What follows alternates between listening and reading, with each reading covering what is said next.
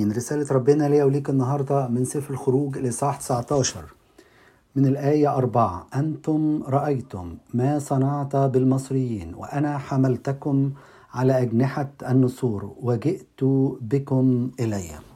كل يوم ربنا بيفكرنا. عمل إيه معانا في الماضي؟ علشان يطمنا ويقول لنا خلي بالكم زي ما عملت معاكم في الماضي هعمل معاكم في المستقبل. وكمان بيقول لنا حاجة جميلة جدا. بيقول أنا حملتكم على أجنحة النسور وجئت بكم إلي.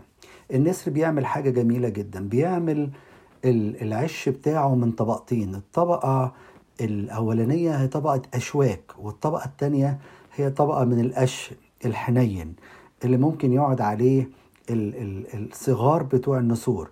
لكن لما الهواء والريح تيجي تضرب فيه العش دوت الطبقة الناعمة ديك المريحة بتروح ويبقى الأشواك علشان ما يخليش الصغار على طول قاعدين في العش عشان يتعلموا إن هم يطيروا. وساعات ربنا بيبعت لنا ألمات عشان يخلينا نطير في السماء يقول لنا الألم والضيقات ترفع الإنسان إلى السماويات.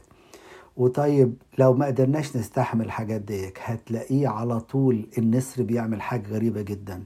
بيبقى متابع أولاده ولما واحد منهم هيسقط وهو بيتعلم الطيران يروح فارد جناحاته وينقذه وهكذا الله يعمل معنا. يفرد جناحاته ويحوط علينا وما يسيبناش نقع على الأرض عشان يطير بينا. وكمان يقول جئت بكم إلي. ربنا عايزك تجرب الحضن بتاعه عايزك تجرب العشرة معاه عايزك تجرب إنك تتمتع بالحياة معاه ربنا يدينا كلنا إن إحنا نتمتع بالعشرة مع ربنا. بشفاعة أمنا العذراء مريم. آمين.